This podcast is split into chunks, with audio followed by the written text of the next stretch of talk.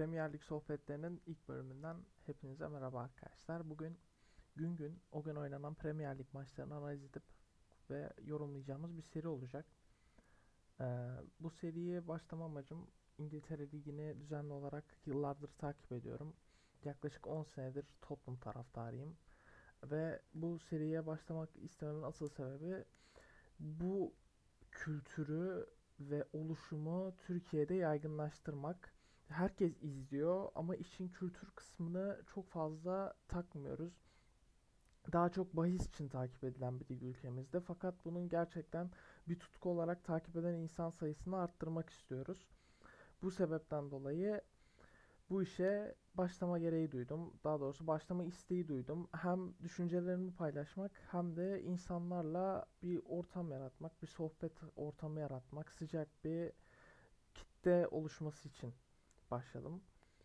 Ee, ilk maçta başlamak istiyorum bugün oynanan. Leicester City Manchester United aslında günün en önemli ikinci maçıydı. Tabii ki günün en önemli maç aslında. Çünkü şu anki duruma göre Arsenal'in pek önemli bir takım olduğu söylenemez ama e, Leicester Manchester United maçında Leicester'ın aslında birazcık ileri üretkenliğinin sıkıntıda olduğunu görüyoruz. Yani Harvey Barnes'ın iyi bir golüyle beraber eşitlik sağlanmasa maçta Manchester United kopup gidebilir. Ama aslında yani James Madison'ın birazcık daha kitlendiği zaman Harvey Barnes Albrighton ikilisinin Vardy'yi o kadar uzatamadığını görüyoruz oyunu. Yıllardır 2016'dan beri Leicester'ın yaptığı Vardy'ye top uzatma taktiğini sanırım bu sene Madison'sız birazcık başaramıyor Leicester. Tabii ki çok başarılılar. Ama Madison kilitlendiği zaman Leicester'ın oyunu birazcık tıkanıyor gibi geliyor bana. Tabii ki yani Albright'ın birazcık daha geriye dönmeyi seven bir kanat. Yani aslında James Justin ileri çıkıyor, Albright'ın geri dönüyor. E, James Justin çoğu zaman Albright'ın bile önüne geçiyor. Bu yüzden Leicester'ın birazcık sağ tarafında sıkıntı var gibi geliyor bana. En azından oraya Albright'ın yerine birazcık daha hücumu çift yönlü değil de daha çok tek yönlü oynayabilecek, dikine oynayabilecek. Aslında Cengiz bu işi çok iyi yapıyor. Fakat Cengiz'in bir sakatlığı var ve Brandon Rodgers da çok şans vermiyor. Yani Leicester'ın şu anda çalışan bir düzeni var. Geçen hafta Tottenham'ı yendiler. Çalışan düzeni bozmak istemiyor Brandon Rodgers. Bu sebepten dolayı bence halen de Albright'ına şans veriyor. Aynı zamanda yani bu kanat rotasyonunda Mark Albright'ın çok önemli bir oyuncu. Çünkü lig bir süreden sonra yoğunlaşmaya başlayacak. Haftada 3 maçlara çıkılacak. Bu süre zarfında Ayoze Perez'e ihtiyacı var. Ayoze Perez de fizikalite olarak çok yüksek seviyede bir oyuncu değil. Çabuk sakatlanabiliyor. Bu yüzden aslında onu birazcık daha riske etmemek istiyor olabilir. Diğer taraftan United tarafında kabus gibi başlayan bir sezon iyi oynanmıyor ama yine de zirveye ortak. Sanırım winner bir camia olmak böyle bir şey. Bruno Fernandes yine harikalar yaratmaya devam ediyor. Leicester'ın ilk golünde küçük bir hatası var ama olur o kadar. Yani bu takıma kattıkları sadece yedirdiği bir golle sınırlandırılacak şeyler değil. Bugün yine bir gol bir asistle oynadı. İnanılmaz bir penaltıcı, inanılmaz bir duran top ustası, çok büyük bir akıl. Sahadaki herkesi teker teker yukarı çekiyor. Yani Bruno Fernandes'i anlat anlat bitiremeyiz. Manchester United'ın bu kadar yaptığı hatalı transferden sonra Bruno Fernandes gibi bir oyuncuyu alması onları ayağa kaldırdı. Tabii ki Manchester United'ın da kadrosu birazcık sıkıntılı. Özellikle Pogba'nın yarattığı takım içi sorunlar onları birazcık dağıtıyor olabilir en azından mental olarak. Ama McTominay çok da aratan bir oyuncu değil aslında Pogba'yı. Tabii ki Pogba'nın kalitesi tartışılmaz fizik gücü vesaire ama McTominay elinden gelenin en iyisini yapan bir oyuncu. Ben McTominay'i çok beğeniyorum. Yani çok hırslı, sürekli mücadele eden, oyunu iki yönde de oynamaya çalışan genç bir oyuncu. Manchester United'ın ileriki seviyelerde çok daha işine yarayacağını düşünüyorum. Halen daha kendini geliştirebilmeye açık bir oyuncu. Çünkü daha 24 yaşında. Günümüz futbolu için aslında prime'ına ulaşma yaşı gibi gözüküyor ama oyuncular bence 27-28'ine kadar oyununa bir şeyler katabiliyor. McTominay bir tık daha gelişebilir. Bir tık daha geliştiği zaman da bu takımın değişilmez orta sahası olur. Bu sene yoktan var edilen isim kesinlikle Bence Fred oldu. Çünkü Fred geçen sene de çok maça çıktı evet ama bu seneki performansını veremiyordu. Yani Fred bu takımın şu anda bankolarından biri olmaya aday. İşte bu forma rekabeti varken aslında il şey ön, ön ikilide Matic, Van de Beek gibi isimler de varken United'ın Pogba'nın kaprislerini çekmeye çok da ihtiyacı yok bence. Yani tabii ki mükemmel bir yetenek. Pogba dünya çapında bir oyuncu. Ama eğer ellerindeki söylenti Dybala takasıysa bence pek düşünülmemeli bu konuda tabii ki olur denmeli. Çünkü Dybala bu takıma çok daha fazla şey katabilecek bir oyuncu. Düşünsenize Bruno Fernandes, Rashford, Martial'in tekrar Kanada devşirildiği bir dizilimde bu sefer onların önünde Dybala oynuyor. Yani United çok ciddi bir şampiyonluk adayına dönüşür. Bu maç özelinde baktığımız zaman da zaten istediklerini iki takım da yaptı. Bu iki takım da birbirine denkti zaten. Bu maçın hakkı beraberlikte denebilir. Yani Leicester'ın birazcık daha ileriye hızlı çıktı ama ya United nasıl diyeyim bu kadro şampiyon olabilecek bir kadro mu? Evet. Ole Gunnar iyi bir hoca mı? Evet. Ama bu kadronun takım olmayı yavaş yavaş becerdiği zamanlardayız ve ben United'ın bu sene çok kişiye sürpriz gelecek ama aslında çok da sürpriz olmayan başarıları elde edebileceğini düşünüyorum. United bu sene ilk üçün ciddi adaylarından. Diğer maça geçelim. Aston Villa Crystal Palace. Bu sene benim izlemekten en çok zevk aldığım takım Aston Villa. Yani inanılmaz bir oyun oynuyorlar. Oyunun her yanı çok iyi. Takım resmen 11 kişi değil tek bir kişiymiş gibi oynuyor. Yani yedeklerden girenler olsun, az kadrosu olsun herkes Jack Grealish'in liderliğini tamamen kabul etmiş. Ve özellikle alt ligden gelen Oli Watkins Premier Lig'in o kadar yakıştı ve o kadar kaldırıyor ki şu anda bu baskıyı. Tabii ki Championship Premier Lig'e göre seviye olarak çok aşırı aşağıda bir lig değil. Ama yine de yani Aston Villa'nın bu kadar yükselişinde sanki onun da çok büyük bir katkısı var. Geçen sene bu takım küme düşmekten son anda kurtuluyordu.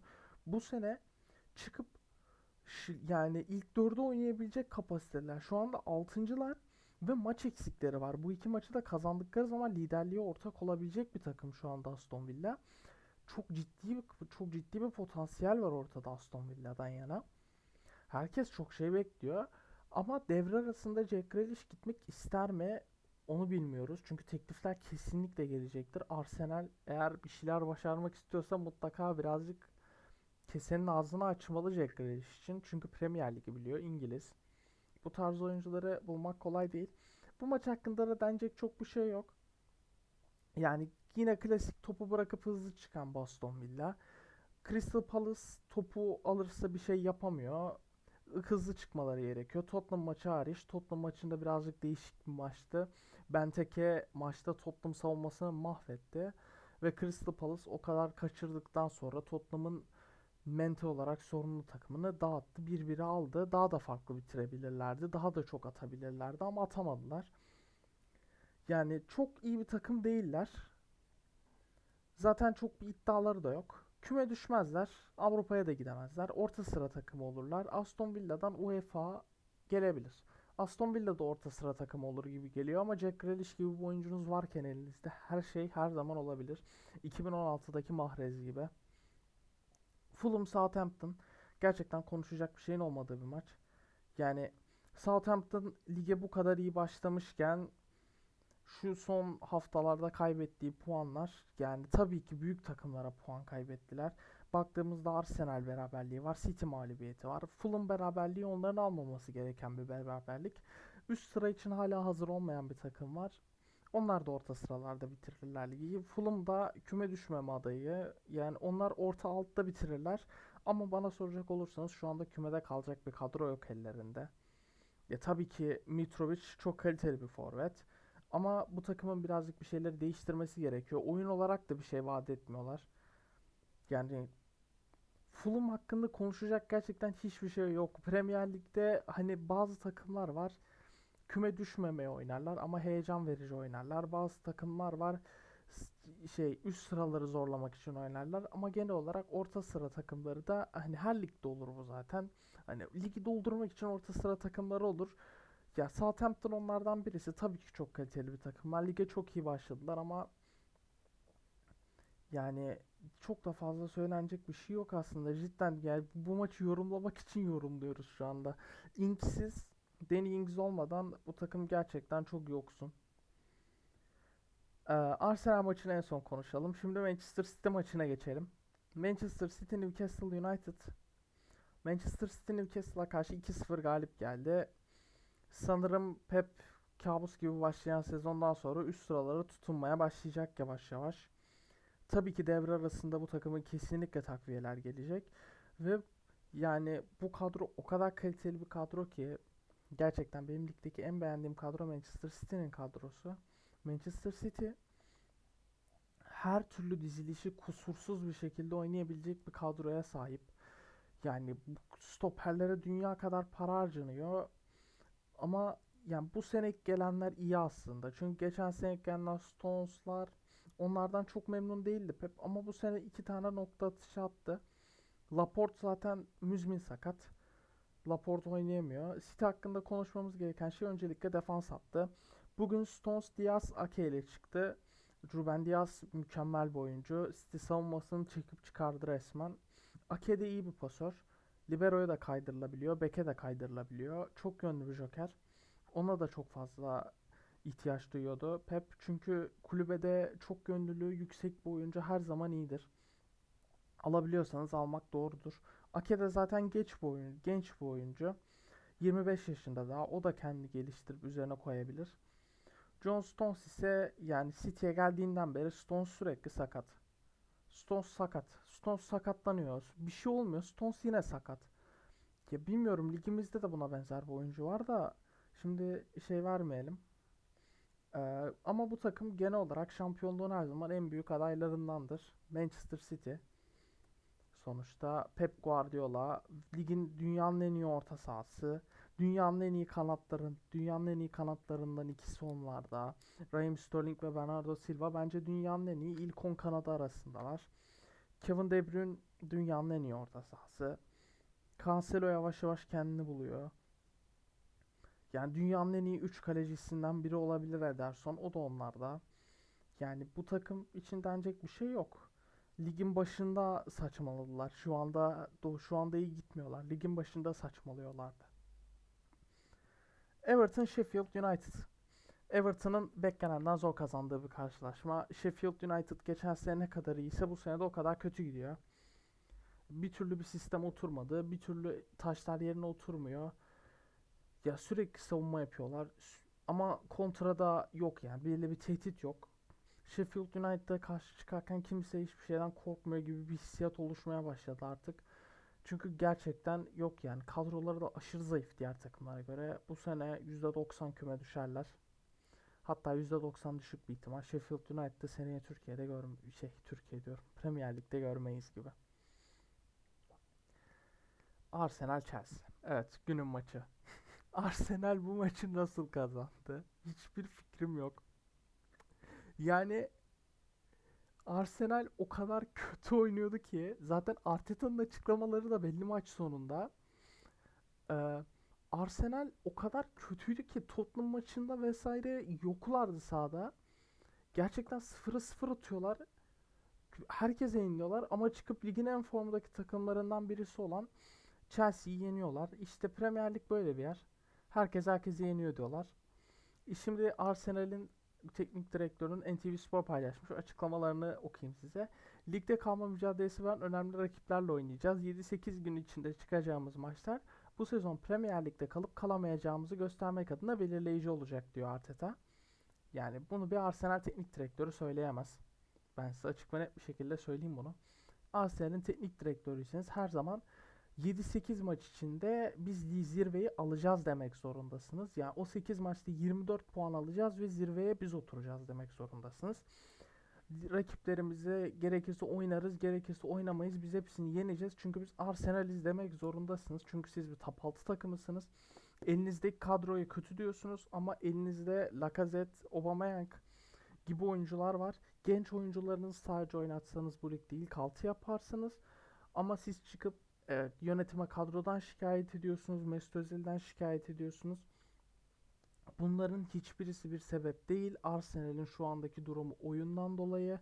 Oyunu düzenleyen, taktiği düzenleyen isim teknik direktördür. Şu anda Arteta'nın fişinin çekilmesi gerekiyor. Yönetim çok bile dayandı Arteta'ya. Chelsea kısmına bakarsak bu kadro böyle oynuyor. Ya Chelsea kazanıyor zaten. Bu maç kaybettiler. Olabilir. Beklenmedik bu puan kaybı. Yani herkes kaybedebilir bu puanları. Sıkıntı yok.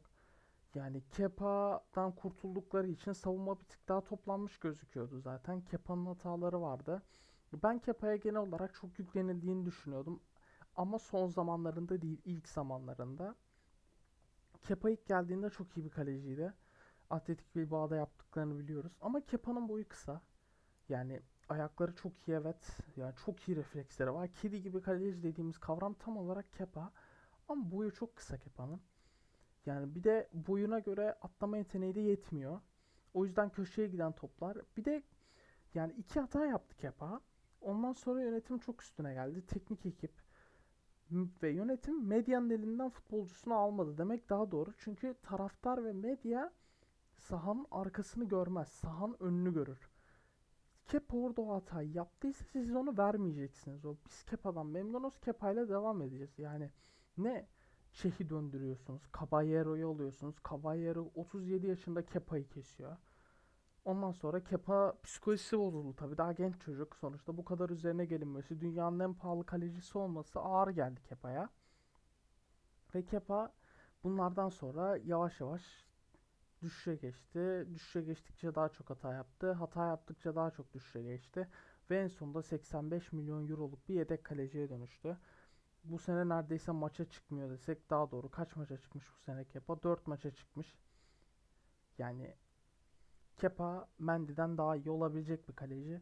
Sadece devre arasında Kepa'nın daha az taraftarı olan yani ve medyayı bu kadar üzerinde hissetmeyen bir takıma kiralanması gerekiyor. İngiltere için İngiltere dışı La Liga olabilir. Yani La Liga'da bir tane Chelsea'nin takım bulup bu Kepa'yı oynatacaksınız deyip yani o takımın en azından bir bankos haline getirip Kepa'yı oynatması lazım. Çünkü Kepa Mendy'den daha potansiyelli bir kaleci.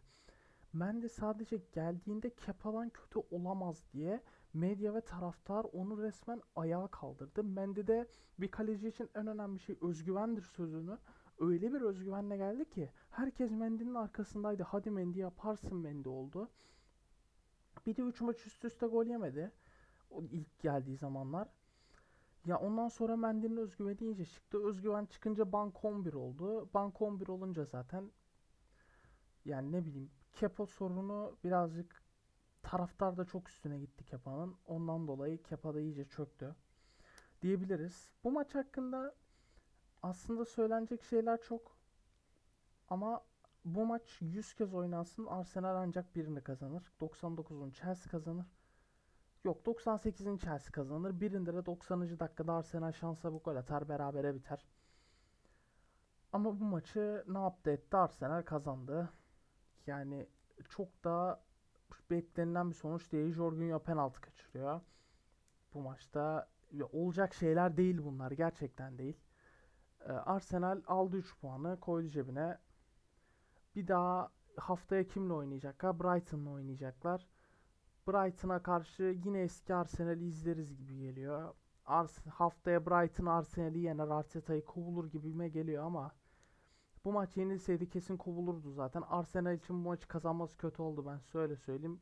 Çünkü Chelsea'yi kazan Chelsea'yi yendikleri için Arteta 5 maç daha kredi kazandı. O 5 maçlık krediyi de boş harcar öyle kovulur.